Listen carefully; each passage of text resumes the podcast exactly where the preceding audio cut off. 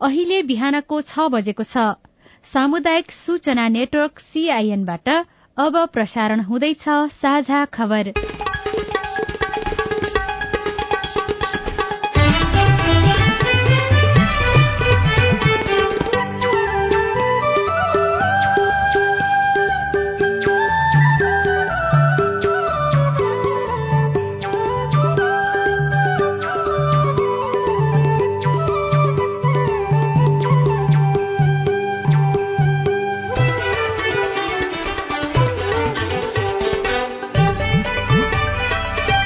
शुभ प्रभात यो सीआईएन को साझा खबर हो। उषा तामाङसँगै लील प्रकाश चन्दको तपाईँलाई स्वागत छ। सामुदायिक रेडियोबाट देशैभरि एकैसाथ प्रसारण भइरहेको साझा खबर सीआईएन खबर डट कम र मोबाइल एप सीआईएनबाट पनि सुन्न सकिन्छ।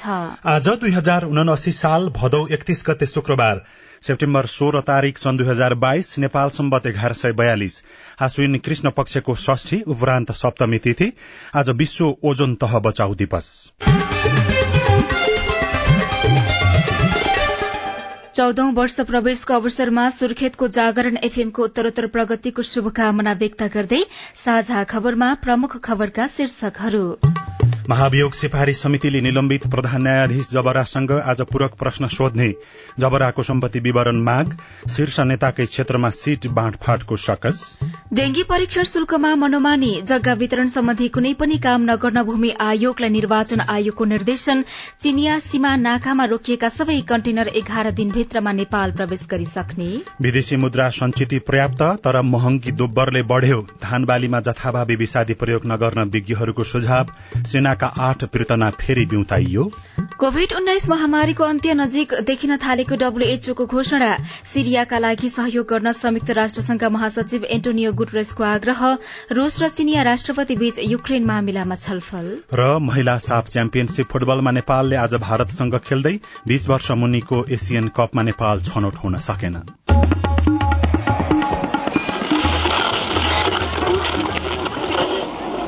रेडियो। हजारौं रेडियो कर्मी र करोड़ौं नेपालीको माझमा यो हो सामुदायिक सूचना नेटवर्क सीआईएन साझा खबरको सबैभन्दा शुरूमा महाभियोग सिफारिश समितिले निलम्बित प्रधान न्यायाधीश जबरासँग आज छलफल गर्ने प्रसंग निलम्बित प्रधान न्यायाधीश चोलेन्द्र शमशेर जबरा विरूद्धको महाभियोग सिफारिश समितिले जबरासँग आज पूरक प्रश्न सोध्ने भएको छ। जबराले यसअघिको बयानका क्रममा आरोप लगाएका बार एसोसिएशनका पदाधिकारी कानून व्यवसायीसँग हिजो राति अबेरसम्म छलफल गरेपछि उनीहरूको बयानका आधारमा पूरक प्रश्न सोध्न आज बिहान नौ बजे समितिको बैठक बोलाइएको छ। आजको समितिको बैठकले महाभियोग सिफारिशका सम्बन्धमा प्रतिवेदन लेखेर बुझाउने बारेमा पनि निर्णय गर्ने एक सदस्यले जानकारी दिए।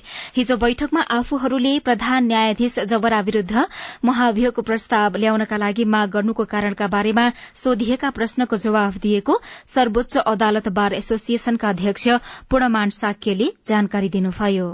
हामीले आफ्नो आफ्नो तर्फबाट यो कुरा चाहिँ कति जायज हो कति नाजायज हो भन्ने कुराको प्रष्ट रूपमा राख्यौँ। र चोलेन्द्र शमशेर जगरा विरूद्ध यो महाभियोगको प्रक्रियाको थाल्नेको लागि बारले जुन भूमिका खेलेको थियो त्यो बारको भूमिका खेल्नुपर्ने बाध्यता किन सृजना भयो भन्ने कुराहरूको आधार कारण सहित हामीले प्रष्ट रूपमा राख्यौँ। यो सुनवाईले महाभियोगको प्रक्रियालाई अझ बल पुगेको हामीलाई महसुस भएको छ। थप प्रमाण उपलब्ध भएमा त्यो उपलब्ध गराइदिन उहाँहरूले आग्रह गर्नुभएको छ। हाम्रो थप प्रमाण उपलब्ध उपलब्ध गराउँछौँ र साथसाथै उहाँहरूले भन्नुभएको छ जति पनि महाभियोगको सुनवाई छ त्यो तथ्यपरक हुन्छ। समितिको बैठकमा दसजना कानून व्यवसायी उपस्थित भए पनि निलम्बित प्रधान न्यायाधीश सोलेन्द्र शमशेर जबराले बयानमा नाम नलिएका बारका दुईजना पदाधिकारी र एकजना अधिवक्तालाई बयानमा सहभागी गराइएको थिएन। यसैबीच प्रतिनिधि सभाको महाभियोग सिफारिश समितिले निलम्बित प्रधान न्यायाधीश जबराको सम्पत्ति विवरण मगाउने भएको छ। समितिले बिहिबार न्याय परिषदबाट जबराको सम्पत्ति विवरण माग गर्ने निर्णय गरेको सभापति रामबहादुर विष्टले जानकारी दिनुभयो। तर उक्त निर्णय भएकाले आज कार्यालय समयमा न्याय परिषदलाई पत्र पठाएर आजै सम्पत्ति विवरण झिकाउने समिति सचिव लक्ष्मी प्रसाद गौतमले बताउनुभयो। पाँच दलीय सत्ता गठबन्धनमा शीर्ष नेताकै निर्वाचन क्षेत्र बाँडफाँडमा समस्या देखिएको छ। धेरै निर्वाचन क्षेत्र भएका जिल्ला र जित्न जित निकाल्न सक्ने नेता दोहोरिएका स्थानमा पनि सकस भएको नेताहरूले बताएका छन्। पाँचै दलका शीर्ष नेता समानुपातिकको बन्द सूची तयार गर्न लागेका छन्। त्यता टुंगिएपछि फेरि प्रत्यक्षको सीट बाँडफाँडमा सहमति खोजिने नेताहरूको भनाइ छ। करिब सहमति जुटिसके पनि कुन क्षेत्र कसले लिने भन्नेमा अझै स्पष्ट नभएकाले टुंगिन समस्या भएको र समय पनि लागेको कांग्रेस वरिष्ठ नेता रामचन्द्र पौडेलले बताउनुभयो।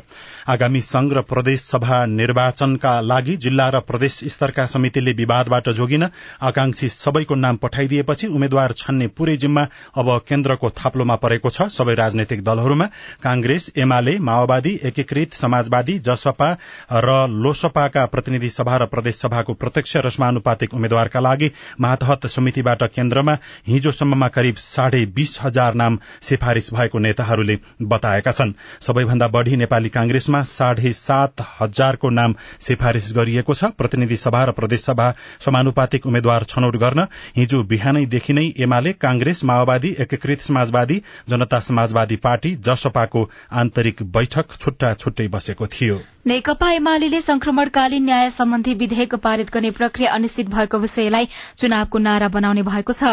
विधेयकका बारेमा सरकारमा रहेका कांग्रेस र माओवादी केन्द्र अनि एमाले बीच सहमति जुट्न सकेको छैन। मंगिर चारको चुनावका लागि नागरिक समक्ष कसरी जाने भन्ने बारेमा आन्तरिक तयारी गरिरहेको एमाले पार्टी विभाजनमा सर्वोच्चको फैसला संसद र सभामुखको भूमिका प्रधान न्यायाधीश माथिको महाभियोग प्रस्ताव लगायत विषय उठाउने तयारी गरेको हो। सीआईएनसँगको कुराकानीमा एमाले संसदीय दलका उपनेता सुभाष चन्द्र नेवाङले जनतासँग जोडिएको थुप्रै विषय सम्बोधन नभएका कारण आफूहरूलाई सजिलो भएको टिप्पणी गर्नुभयो। अहिले पछिल्लो समयलाई छोडेर अलिक अगाडिको कुरा गर्दा स्वयं न्यायपालिका डिफङ्क्ट जस्तो अवस्थामा छ। राज्यका तीनै अङ्ग डिफङ्क्ट जस्तो अवस्थामा पुगेको छ। यो अवस्थामा के गर्ने? एउटा टुङ्गोमा पुर्याउने जनताले बाहेक अरू शक्ति छैन। कतै साथीभाइहरू आत्तिएर फेरि मुङ्सिर चार गतिको चुनाव पो सार्छन् कि? सार्न नदिने तर्फ यहाँहरू सतर्क भइदिनुहोस्। यो निर्वाचन त तपाईँ हाम्रो धेरै ठूलो जोडले न सरकारले घोषणा गरेको हो। त्यसको राम्रो त विवाद भएन नि। त्यसैले इच्छा गरेर त घोषणा गरेको होइन नि। म त्यसतर्फ इंगित गर्दैछु। यसैबीच निर्वाचन आयोगले प्रतिनिधि सभा र प्रदेश सभाको निर्वाचन सम्पन्न नभएसम्म जग्गा वितरण सम्बन्धी कुनै पनि काम नगर्न राष्ट्रिय भूमि आयोगलाई निर्देशन दिएको छ। निर्वाचन आयोगले हिजो विज्ञप्ति जारी गरी आसन्न निर्वाचनलाई निष्पक्ष बनाउन निर्वाचन सम्पन्न नभएसम्म जग्गा वितरण सम्बन्धी निवेदन लिने जग्गा नाप जाँच गर्ने र जग्गाको निशा तथा लालपूर्जा वितरण गर्ने लगायतका सबै काम तत्काल स्थगित गर्न निर्देशन दिएको छ। यसबारे दुई दिनभित्र यथार्थ जानकारी दिनको लागि पनि निर्देशन दिइएको छ। प्रतिनिधि सभा र प्रदेशसभा निर्वाचन सुरक्षार्थमा गरिएको म्यादी प्रहरीमा पहिलो दिन बाइस हजार आठ सय अस्सी जनाले आवेदन दिएका छन्। आवेदन दिने अन्तिम मिति असो छसम्म तोकिएको छ। म्यादीले चालिस दिनको तलब भत्ता खाजा खर्च लगायत एकमुष्ट पचास हजार एक सय साठी रूपियाँ पाउनेछन् असल आचरण भएका पूर्व कर्मचारीहरूको आवेदन परेमा उनीहरूलाई सामान्य परीक्षा मात्र लिएर छनौट गर्न सकिने नेपाल प्रहरीले जनाएको छ। प्रहरीका प्रवक्ता प्रहरी नायब महानिरीक्षक टेक प्रसाद राईले गत निर्वाचनमा म्यादी प्रहरीमा भर्ना भएर कार्यवाहीमा नपरेकाहरूलाई पनि प्राथमिकताका साथ छनौट गरिने बताउनुभयो। सात गते चाहिँ उहाँहरूको सम्पर्क मिति छ। यसरी सम्पर्कमा आएका व्यक्तिहरू जसको फारम भरिसकिएको हुन्छ उहाँहरू चाहिँ नौ गतेदेखि चौध गतेसम्म उहाँहरूको भर्ना छनौट चल्छ। त्यसपछि दसैँ सकिए पछाडिको समयमा उहाँहरूको रिजल्ट निस्किन्छ। हाम्रो अनुमान के छ भने आवश्यक पर्ने संख्याको झन्डै सेभेन्टी पर्सेन्ट चाहिँ त्यस अगाडिका निर्वाचनमा सहभागी भएका प्रहरी समेतले कभर गर्न सकेछन् भन्ने हाम्रो अनुमान छ। आगामी मंगिर चार गते एकै चरणमा हुन लागेको प्रदेश सभा र प्रतिनिधि सभाको निर्वाचनका लागि सरकारले एक लाख पन्ध्र हजार म्यादी प्रहरी माग गरेको छ। अब स्वास्थ्यको प्रसंग स्वास्थ्य तथा जनसंख्या मन्त्रालयले डेंगू परीक्षण शुल्क एकरूपता गर्ने निर्णय गरे पनि हालसम्म पनि त्यो कार्यान्वयन हुन सकेको छैन। कार्यान्वयन नहुनु भन्दा पनि किन कार्यान्वयन नभएको भन्ने जानकारी स्वास्थ्य मन्त्रीलाई नै नभएको पाइएको छ। स्वास्थ्य मन्त्रालयले नै गरेको निर्णय कार्यान्वयन हुन नसक्दा डेंगीको परीक्षणमा लाग्ने शुल्कमा मनोमानी भइरहेको छ। स्वास्थ्य तथा जनसंख्या मन्त्री भवानी प्रसाद खापुङले डेंगी परीक्षण शुल्क मनपरी रूपमा लिएको भन्ने गुनासो आए पनि त्यसलाई नियन्त्रण गर्नको लागि समन्वय गर्नको लागि काम भइरहेको सीआईएनसँग बताउनुभयो।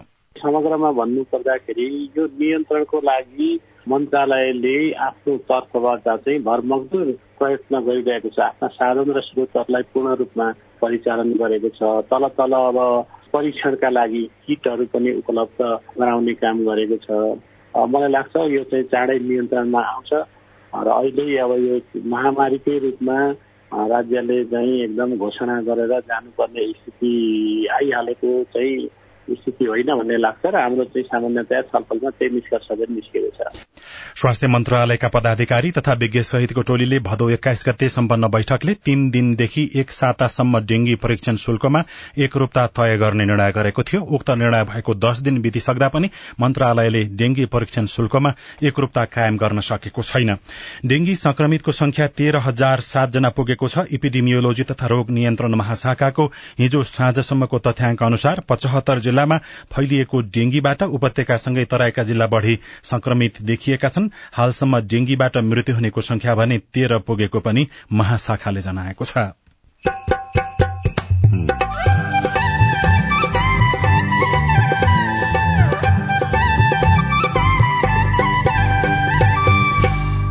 सामुदायिक सूचना नेटवर्क सीआईएन मार्फत देशभरि प्रसारण भइरहेको साझा खबरमा खुला संसार हेर्ने अभियानमा तराई मधेसका महिला।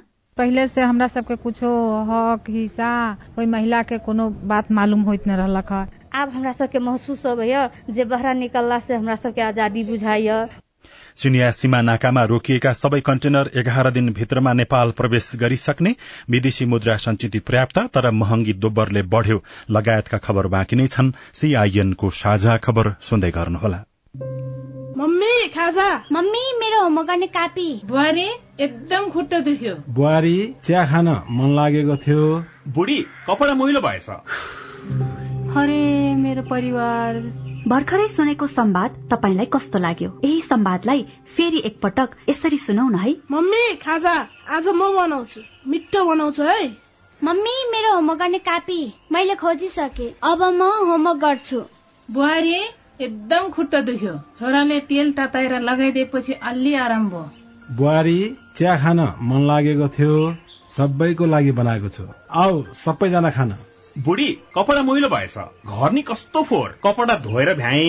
अब घर सफा गर्छु। कोरोनाको महामारीबाट बस्न पनि त सरसफाई जरुरी छ नि। आहा मेरो परिवार। तपाईँलाई दोस्रो संवाद कस्तो लाग्यो? पक्कै राम्रो लाग्यो। हो तपाईँ हामी बीच जिम्मेवारी बोध भयो भने एक अर्का बीचको निकटतालाई अझ राम्रो बनाउन सकिन्छ। बाढी चोडी जिम्मेवारी परिवारमा समझदारी।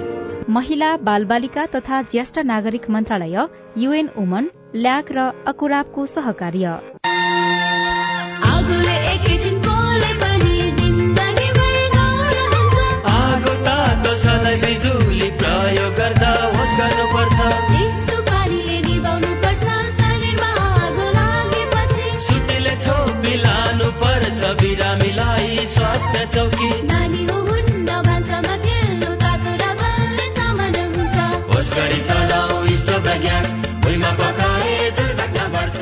अग्निजन्य दुर्घटना भएमा शून्य एक पचपन्न पचपन्न छ आठ नौमा सम्पर्क गर्नुहोस्। बीबीएस नेपाल ललितपुर। सामाजिक रूपान्तरणका लागि यो हो सामुदायिक सूचना नेटवर्क सीआईएन तपाई अहिले देशभरिका सामुदायिक radio CIN Khabar dot com र मोबाइल एप सीआईएनबाट एकैसाथ साझा खबर सुन्दै हुनुहुन्छ। मोबाइल एप नेपाली पात्रोबाट पनि साझा खबर सुनिरहनु भएको छ। अब बाँकी खबर। गत वर्षको तुलनामा चालु आर्थिक वर्षको पहिलो महिनामा दोब्बरले मूल्य बढ़ेको छ। साउनको आर्थिक अवस्था सार्वजनिक गर्दै राष्ट्र ब्याङ्कले मूल्य वृद्धि दर आठ दशमलव दुई छ प्रतिशत पुगेको जनाएको छ। गत आर्थिक वर्षको साउनको मूल्य वृद्धि दर चार दशमलव तीन पाँच प्रतिशत थियो। सरकार र राष्ट्र ब्याङ्कले यस वर्षको साउनमा सात प्रतिशत मूल्य वृद्धि दर पुग्ने प्रक्षेपण गरेको थियो। ब्याङ्कका अनुसार खाद्य भन्दा पनि गैर खाद्य वस्तुहरूको मूल्य अधिक वृद्धि भएको हो। खाद्य तथा पेय पदार्थको सात दशमलव एक एक प्रतिशत मूल्य बढ़दा गैर खाद्य तथा सेवातिरको मूल्य वृद्धि नौ दशमलव एक आठ प्रतिशत पुगेको राष्ट्र ब्याङ्कका प्रवक्ता डाक्टर गुणाकर भट्टले सीआईएनसँग बताउनुभयो। चालू आर्थिक वर्ष वैदेशिक रोजगारीका लागि अन्तिम श्रम स्वीकृति लिनेको संख्या पनि बढ़ेको छ। वैदेशिक रोजगारीका लागि संस्थागत तथा व्यक्तिगत नयाँ श्रम स्वीकृति लिने नेपालीको संख्या दुई सय दुई दुई दशमलव आठ प्रतिशतले वृद्धि भई चौवालिस हजार पाँच सय छयालिस पुगेको छ। बालीमा जथाभावी विषादीको प्रयोग नगर्न कृषि विज्ञले सुझाव दिएका छन्। कुनै रोग वा किरा देखिए कृषि प्राविधिकको सल्लाहमा औषधिको प्रयोग गर्नुपर्नेमा उनीहरूले जोड़ दिएका हुन्। विशेष गरी धान बालीमा अहिले चुसाहा किराको प्रकोप देखिन सक्ने भएकाले औषधिको प्रयोग गर्नुपर्ने हुन सक्छ। त्यसको लागि नजिकैको कृषि प्राविधिकको सल्लाह लिन राष्ट्रिय कीट अनुसन्धान केन्द्रका वैज्ञानिक सुदीप कुमार उपाध्यायले सीआईएन मार्फत जानकारी दिनुभयो। विशेष आग्रह किसान दाजुभाइहरूलाई के छ भने जति पनि तपाईँलाई किरा रोग सम्बन्धित समस्या हुन्छ यो प्राविधिकको सरसल्लाह बिना विषादी प्रयोग नगरिदिनु होला। एग्रोभेटमा गएपछि एग्रोभेटको उद्देश्य के हुन्छ भने बढीभन्दा बढी विषादी बेच्छौँ हामी। त्यसले गर्दा एउटा विषादीको ठाउँमा बढी डोज दिने एउटा विषादी दिने अर्कै काम। जस्तो रोग लाछ किरा मार्ने विषादी दिने। किरा लाछ रोग मार्ने विषादी दिने। त्यस त्यसले के हुन्छ भने एक त हाम्रो टार्गेट जुन हामीले जुन उद्देश्य गरेका छौँ रोगलाई किरालाई त्यो कन्ट्रोल हुँदैन। अर्को त्यहाँभित्र भएका हाम्रा मित्रजीवहरू तिनीहरू पनि मारिएर जान्छन् नासिएर जान्छन्। त्यसले गर्दा यो प्राविधिकको सहयोगको बिना विषादीहरू प्रयोग नगरिदिनु हुन म विशेष आग्रह गर्दछु। अहिले धान बालीमा देखिने चुसाहा किराले दाना लाग्न नदिने भएकाले बालीको निरीक्षण गर्न उहाँको सुझाव छ। अब आज काठमाण्डुबाट प्रकाशित पत्र पत्रिकाको खबर कान्तिपुर दैनिकमा संसदमा विदाईको तयारी शीर्षकमा मकर श्रेष्ठ लेख्नुहुन्छ। सरकारले प्रतिनिधि सभाको कार्यकाल शनिबार मध्य रातिदेखि अन्त्य गर्ने तयारी गरेको छ। संसदको कार्यकाल कहिले अन्त्य गर्ने भन्ने अनिश्चित भइरहेका बेला मन्त्री परिषदको शुक्रबार आज बिहान बस्ने बैठकले संघीय संसदको एघारौं अधिवेशन अन्त्यको सिफारिश गर्न लागेको एकजना मन्त्रीको भना उद्धृत गर्दै खबर छापिएको छ। मंगिर चारमा हुने प्रतिनिधि सभा र प्रदेशसभा निर्वाचनको समानुपातिक तर्फको कार्यक्रम आइतबारदेखि शुरू हुँदैछ। आइतबार र सोमबार राजनैतिक दलले उम्मेद्वारको बन्द सूची बुझाउनु पर्नेछ। अर्को खबर खुले उत्तरी नाका शीर्षकमा बलराम घिमिरेले रसुवाबाट र अनिश तिवारीले सिन्धुपाल्चोकबाट लेख्नु भएको छ चीनको स्वशासित क्षेत्र तिब्बतमा गरिएको लकडाउनका कारण बन्द रसुवागढ़ी र तातोपानी नाका खुलेका छन्। तातोपानीमा रोकिएका कन्टेनर आज शनिबारदेखि र केरूङमा रोकिएका कन्टेनर बिहिबारदेखि नेपाल भित्रिन थालेका हुन्। तिब्बत क्षेत्रमा कोरोना संक्रमण बढ़ेपछि चीनले गत साउन बाइस गतेदेखि रसुवागढ़ी नाकाबाट हुने निर्यातमा रोक लगाएको थियो। रोकिएका सबै कन्टेनर सेप्टेम्बर सत्ताइस सम्ममा पठाइसक्ने चिनिया पक्षले जानकारी दिएको छ।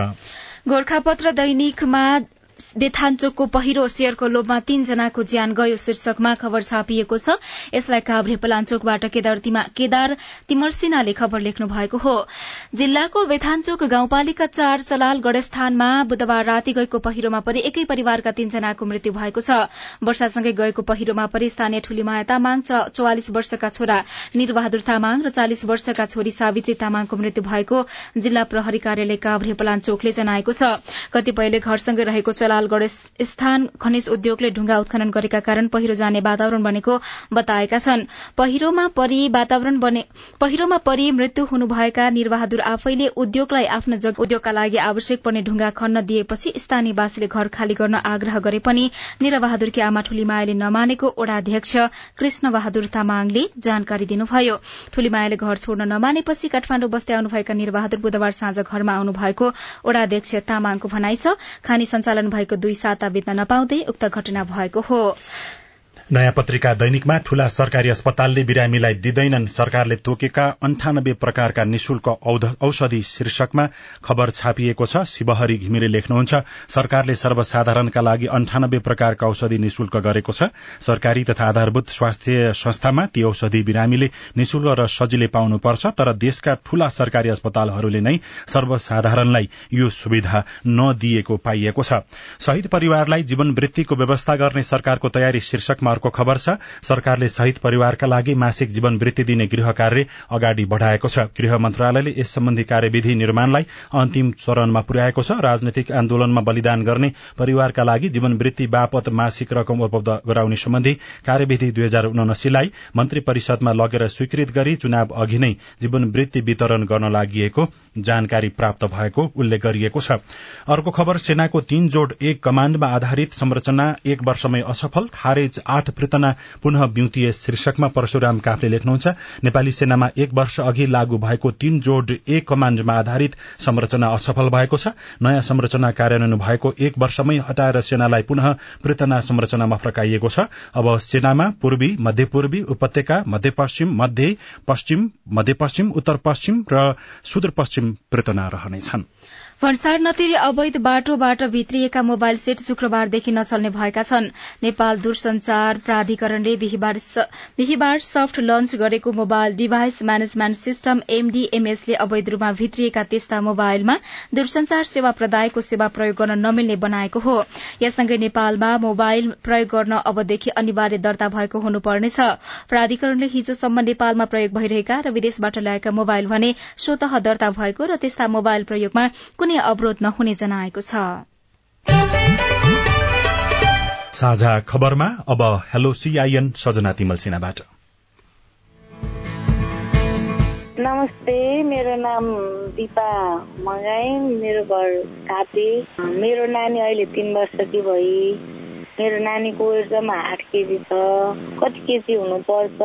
तिन वर्षको बच्चालाई यसलाई कुपोषण भनिन्छ या भनिँदैन? तपाईँको प्रश्न सुनेपछि नवजात शिशु तथा बाल रोग विशेषज्ञ डाक्टर लवकुमार शाह भन्नुहुन्छ। जन्मिने बेलाको वेट यदि ढाई किलोदेखि चार किलोको बिचमा थियो नर्मल वेट थियो भने तिन वर्षकोमा आठ किलो हुनु भनेको कुपोषण हो। यदि उसको जन्मिने बेलामा वेट अढाई किलो भन्दा कम थियो भने यो नर्मलमा पनि जान सक्छ। उहाँले चाहिँ के गर्नुपर्छ भन्दाखेरि नजिकैको स्वास्थ्य केन्द्रमा गएर उसको बच्चाको वेट हाइट अनि यो किन कुपोषणतिर गइरहेछ भने चाहिँ उहाँले डाक्टरसँग सम्पर्क गरेर यसको समयमै यसलाई चाहिँ उपचार गर्नुपर्छ। हाम्रो आइभीआरमा माध्यमिक शिक्षा परीक्षा एसईई को नतिजा कहिले आउँछ भनेर धेरैजनाले प्रश्न रेकर्ड गराउनु भएको छ। हामीले एउटा प्रतिनिधि प्रश्न लिएका छौं। नमस्कार म अछाम जिल्लादेखि कमला बाई हाम्रो एसईमा हामीले प्रुफ दिएका थियौँ त्यसको नतिजा कहिले आउँछ होला? यस सन्दर्भमा राष्ट्रिय परीक्षा बोर्ड अन्तर्गत कक्षा दशको उपनियन्त्रक भक्त गोदारले अहिले अन्तिम चरणको काम भइरहेको र दशैंको विदा हुनु अघि नै नतिजा सार्वजनिक गरिने बताउनु भएको छ। नमस्कार म दैलेख जिल्ला दुल्लु नगरपालिका वडा नम्बर दुईबाट पुष्कर थापा बोलेको हुँ। यस दुल्लु नगरपालिका वडा नम्बर दुईमा बाल क्लब सम्बन्धी कुनै बजेट प्रस्तुत भएको छैन। बजेट प्रस्तुत भएको छ भने कति भएको छ र यसमा बजेट प्रस्तुत हुनुपर्छ मेरो जिज्ञासा यति नै रहेको छ। धन्यवाद। जवाफ दिँदै हुनुहुन्छ दैलेखको दुल्लु नगरपालिकाको लैंगिक समानता तथा सामाजिक समावेशीकरण शाखाका सहायक महिला विकास निरीक्षक उमा उपाध्याय। बाल क्लब गठन गर्नका लागि अथवा बाल क्लब परिचालन गर्नका लागि बजेट विनियोजन छ छैन भन्न खोजिएको हो। वा बाल क्लबलाई नै बजेट विनियोजन हुन्छ कि हुँदैन अथवा छ छैन भन्ने कुरा सोध्न खोज्नु भएको त्यो चाहिँ अलिकति क्लियर भएन। तर पनि हाम्रोमा चाहिँ बाल क्लबका सम्बन्धमा मात्र नबनेर हाम्रो पालिका स्तरमा चाहिँ लैङ्गिक समानता तथा सामाजिक समावेशीकरण शाखाबाट चाहिँ यो बाल अधिकार सम्बन्धी गतिविधिहरू सञ्चालन गर्नका लागि भनेर केही रकम चाहिँ विनियोजन भएको छ। तपाईँ जुनसुकै बेला हाम्रो आइबीआर नम्बर शून्य एक बान्न साठी छ चार छमा फोन गरेर आफ्नो प्रश्न जिज्ञासा गुनासा अनि समस्या रेकर्ड गर्न सक्नुहुनेछ। साझा खबरमा अब विदेशका खबर। विश्व स्वास्थ्य संगठन डब्ल्यूएचओले कोविड उन्नाइस महामारीको अन्त्य नजिक देखिन थालेको घोषणा गरेको छ। कोरोना भाइरसको संक्रमणका कारण हुने मृत्यु दर कम हुन थालेको भन्दै संगठनले महामारीको अन्त्य नजिक देखिन थालेको घोषणा गरेको हो। कोरोनाका कारण हुने साप्ताहिक मृत्युको संख्या सन् दुई हजार बीस यताकै न्यून पुगेको संगठनले जनाएको छ। संयुक्त राष्ट्रसंघका महासचिव एन्टोनियो गुटरेसले सिरियाका लागि सहयोग गर्न आग्रह गर्नुभएको छ। वहाँले सिरियाका नागरिक नागरिकलाई जीविकाका लागि नै सहयोग गर्नुपर्ने भएकाले त्यसका लागि आवश्यक सहयोग रकम उपलब्ध गराउन अपील गर्नुभएको हो। वहाँले सिरियाली नागरिकको जीवन बचाउने योजनाका लागि संयुक्त राष्ट्र संघले केही कार्यक्रमहरू बनाएको र त्यसका लागि यस वर्ष मात्र कम्तीमा पनि चार करोड़ चालिस लाख अमेरिकी डलर रकम चाहिएको बताउनुभयो। सन् दुई हजार बाइसका लागि मात्रै एक करोड़ पाँच लाख अमेरिकी डलर आवश्यक रहेको उहाँको भनाइ छ। लामो समयदेखिको आन्तरिक विद्रोह तथा खडेरी लगायतका कारण सिरियाको आर्थिक अवस्था निकै नाजुक रहेको र बाल बालिकामा कुपोषणको समस्या देखिन थालेको भन्दै गुटरेसले चिन्ता व्यक्त गर्नुभएको छ। र रूसी राष्ट्रपति भ्लादिमिर पुटिनले चीनिया राष्ट्रपति सी जिनपिङलाई युक्रेन मामिलामा बेजिङको सन्तुलित अडानका लागि धन्यवाद दिनुभएको छ। मस्कोले युक्रेनमा अतिक्रमण शुरू गरेपछि रूस र चीनका राष्ट्रपति बीच पहिलो पटक प्रत्यक्ष रूपमा उज्वेकिस्तानको समरकन्दमा भेटवार्ता भएको हो। साझा खबरमा अब खेल खबर नौ राष्ट्रिय खेलकुद अन्तर्गत पुरूष क्रिकेटको उपाधिको लागि आज नेपाल पुलिस क्लब र त्रिभुवन आर्मी क्लब भिड्दैछन्। खेल किर्तिपुर स्थित त्रिवी क्रिकेट मैदानमा दिउँसो सवा एक बजे शुरू हुनेछ। आर्मी समूह चरणको उत्कृष्ट नतिजाका आधारमा फाइनल पुगेको हो। पुलिस भने हिजो भएको खेलमा एनआरएन स्पोर्ट्स एकाडेमीलाई तेह्र रनले पराजित गर्दै उपाधि नजिक पुगेको हो। बहराइनसँग छ शून्यले पराजित भएसँगै Nepal AFC youth twenty Asian cup दुई हजार तेइस छनौट हुन सकेन। बुधबार राति बहराइनसँग पराजित भएसँगै नेपालले तीन खेलबाट कुनै अंक जोड्न सकेन। गण्डकी प्रदेशमा आयोजना हुने नौ राष्ट्रिय खेलकुद प्रतियोगिताको रनिङ ट्रफी प्रधानमन्त्री शेरबहादुर देउबाले सार्वजनिक गर्नुहुने भएको छ। राष्ट्रिय खेलकुद परिषद राखेपाले सो ट्रफी नौ खेलकुदका विजेता टोलीले पाउने जनाएको छ विजेताले ट्रफी सहित दश लाख नगद पुरस्कार पाउनेछन् र नेपाली राष्ट्रिय फुटबल टीमले आफ्नै मैदानमा बंगलादेश विरूद्ध अन्तर्राष्ट्रिय मैत्रीपूर्ण खेल खेल्ने भएको छ। उक्त खेल असोज एघारमा दशरथ रंगशालामा फ्लड लाइटमा खेलाइने बिहिबार एन्फाले जानकारी दिएको छ। तराई मधेसका महिलाहरू अझै खुला संसार हेर्नका लागि संघर्षरत रेडियो रिपोर्ट स्वस्थ जीवनशैली सम्बन्धी सन्देश अरू खबर र कार्टुन पनि बाँकी नै छ सीआईएनको साझा खबर सुन्दै गर्नुहोला। एक वर्षमा चौबिस महिना सुनेको छ छैन। नसुने सुने हालौ नबुझे बुझी हालौ। होमको गरी हालौ अब एक वर्षको रिचार्ज गरेर दुई वर्षसम्म डिसोम हेर्न पाइन्छ भने भएन त एक वर्षमा चौबिस महिना। अनि रिचार्ज चाहिँ कसरी गर्ने नि? डाइरेक्ट डिलर दाइकोमा गएर फन्ड ट्रान्सफर मार्फत रिचार्ज गरे भइहाल्यो नि। अझ प्रत्येक साता सो साताभरिमा एक वर्षको लागि रिचार्ज गर्नेहरू मध्येबाट एकजनालाई विकली लकी ड्र मार्फत नगद रु एक लाख पुरस्कार पनि दिइन्छ। डिस होमको तर्फबाट दसैँ तिहार तथा छठ पर्वको शुभकामना। साथै यो सेवा आइएमई पे ई सेवा र खल्तीबाट पनि अनलाइन रिचार्ज गर्न सकिन्छ। खुसीको कनेक्सन सामाजिक रूपान्तरणका लागि यो हो सामुदायिक सूचना नेटवर्क सीआईएन साझा खबरमा अब मधेसका महिला र उनीहरूको अधिकारको कुरा। नेपालको संविधान अनुसार समानताको हकले सामाजिक वा सांस्कृतिक दृष्टिबाट पिछड़िएका महिलाको संरक्षण सशक्तिकरण वा विकासका लागि कानून बमोजिम विशेष व्यवस्था गर्न भनेको छ। नयाँ संविधान कार्यान्वयनमा आएको छ वर्षमा तराई मधेसका महिलाहरू अझै खुला संसार हेर्नका लागि संघर्षरत छन्। उनीहरूको प्रयासले मूर्त रूप लिइरहेको छ। मन त सबैको गर्छ कि पर्लिके म जागिर गर्नु। जागिर गर्यो भने त निस्किदिने हाल छ। नजागिर खायो भने कहाँ जान्छ? सर्लाहीको बलरा नगरपालिकावासी बबिता कुमारी बैठाले बाह्र कक्षासम्म पढ्नु भएको छ। घर परिवारको आर्थिक अवस्था उकास्न जागिर गर्ने मन भए पनि परिवार र समाजले बुझ्न नसकेको उहाँको भनाइ छ। महोत्तरीको पिपरा गाउँपालिकाका रीता देवी महरालाई घर बाहिर निस्कन झण्डै बीस वर्ष संघर्ष गर्नु पर्यो चौध वर्षकै उमेरमा विवाह गरेपछि राम्ररी घर बाहिर हिडडुल गर्न पाउनु भएन। हम सब लिया कि सही में बैठला से नहीं कुछ जते घर से बाहर के बहुत कुछ हमरा सबके के है बहुत कुछ करे के है। आब हमरा सबके महसूस होबैया जे बाहर निकलला से हमरा सबके आजादी हुन त समग्र नेपाली महिला प्रतिको समाजको हेराई साँघुरो छ। त्यसमा पनि मधेसका महिला परिवार र सामाजिक बन्धनका कारण अझ बढ़ी दबाव सहनुपर्ने बाध्यतामा छन्। बिस्तारै हिजो आज केही परिवर्तन देखिन थालेको बताउँदै रामवती पासवान। पहले से हमरा सबके कुछो हक हिस्सा कोई महिला के कोनो बात मालूम होइत न रहलक बाहर निकले के बोले के सब चीज के पता चललक कहाँ कथी है न है सब पता चलक मधेसी महिलामा पनि दलित समुदायका महिला अझ बढ़ी विभेदमा छन्। नेतृत्वमा पुग्ने दौड़मा पनि उनीहरूको जोडबल पुग्ने गरेको छैन। राष्ट्रिय दलित आयोगका एकजना सदस्य मीना देवी सोब यो विभेद कसैलाई नहोस् र पछाडि परेका वर्गलाई अगाडि ल्याउनको लागि हाम्रो यो दलित आयोगले एकदम यो मिटिङ बैठक गरिसकेका छ र अझै पनि जनचेन्ताको माध्यमबाट पनि हामी आयोग अगाडि बढेको छ। नेपालको संविधानमा व्यवस्था भएको महिलाको हक अनुसार सामाजिक रूपले पछाडि परेका महिलालाई समावेशी सिद्धान्तका आधारमा राज्यको निकायमा सहभागिताको हक हुने भनिएको छ। तर मधेसका महिला राज्यको निकायमा सहभागिता भन्दा पनि सानातिना छलफलमा समेत जोडिन पाउँदैनन्। यस्तो अवस्थाको अन्त्य कहिले हुन्छ? राष्ट्रिय समावेशी आयोगका अध्यक्ष डाक्टर रामकृष्ण तिमल सिन्हा। आयोगले अहिले नेपालको वञ्चितीकरणमा परेको। समूह कति छ त्यसको पनि अझ महिलाहरूको स्थिति के छ? दलितहरूको स्थिति के छ? अझ विशेष गरी मधेसका दलितहरूको स्थिति अझ भयावह छ। त्यसकारण कुन तरिकाले काम गर्यो भने राष्ट्रिय मूल प्रवाहमा महिलाहरू विशेष गरी दलितको र अल्पसंख्यकको सीमान्तकृतहरूको लाई ल्याउन सकिन्छ भनेर अहिले रिसर्च गरिरहेछ। संविधान कार्यान्वयन भएपछि समावेशी सिद्धान्त लागू गर्न विभिन्न कानून नीति बनाइएका छन् तर पूर्ण रूपमा कार्यान्वयन नहुँदा चुल्हो चौको भन्दा बाहिर जाने रहर पालेका महिलाहरूको सपना पूरा हुन सकेको छैन। स्नेहा कर्ण सीआईएन काठमाडौँ।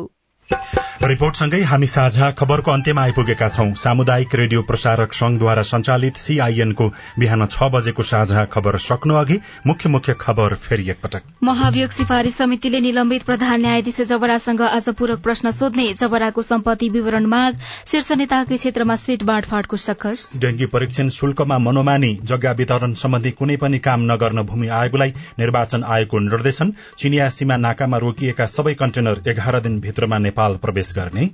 विदेशी मुद्रा संचित पर्याप्त तर महँगी दोब्बरले बढ़्यो। धान बालीमा जथाभावी विषादी प्रयोग नगर्न विज्ञहरूको सुझाव। सिरियाका लागि सहयोग गर्न संयुक्त राष्ट्र संघका महासचिव गुटरेसको आग्रह रूस र चिनिया राष्ट्रपति बीच युक्रेन मामिलाको विषयमा छलफल। र महिला साफ च्याम्पियनशीप फुटबलमा नेपालले आज भारतसँग खेल्दै। साझा खबरको अन्त्यमा कार्टुन। कार्टुन हामीले नागरिक दैनिकमा रबिन साइमीले बनाउनु भएको यो पनि शीर्षकको अनलाइन संस्करणको कार्टुन लिएका छौं। व्यङ्ग्य गर्न खोजिएको छ सरकारले डेंगीबाट बच्नको लागि लामो बाहुला भएका लुगा लाउनु भनेको छ। यहाँ दुईजना व्यक्ति छन् एकजना पुरूष अगाडिपट्टि सोफामा बसेर पत्रिका पढ्दैछन् पछाडिपट्टि एकजना महिला उभिएका छन् र अगाडि पढ्दै गरेका व्यक्तिले केही पढिराखेका छन् माथि चाहिँ यस्तो लेखिएको छ सरकारले कर्मचारीलाई पूरा बाहुला भएको लुगा लगाउन आग्रह गरेछ। पछाडि उभिएकी महिलाले भनेकी छन् ठिकै हो टेबल मुनि हात लामो गर्दा लामखुट्टेले टोक्ने सम्भावना बढ़ी हुन्छ क्या? हवस् त प्राविधिक साथी सुनिल राज भारतलाई धन्यवाद। अहिलेलाई लील प्रकाश चन्द र उषा तामाङ विदा भयौं। तपाईँको आजको दिन शुभ होस्। नमस्कार। यसपछि देशभरिका सामुदायिक रेडियोबाट कार्यक्रम हेलो सांसद प्रसारण हुनेछ। सुन्ने प्रयास गर्नुहोला।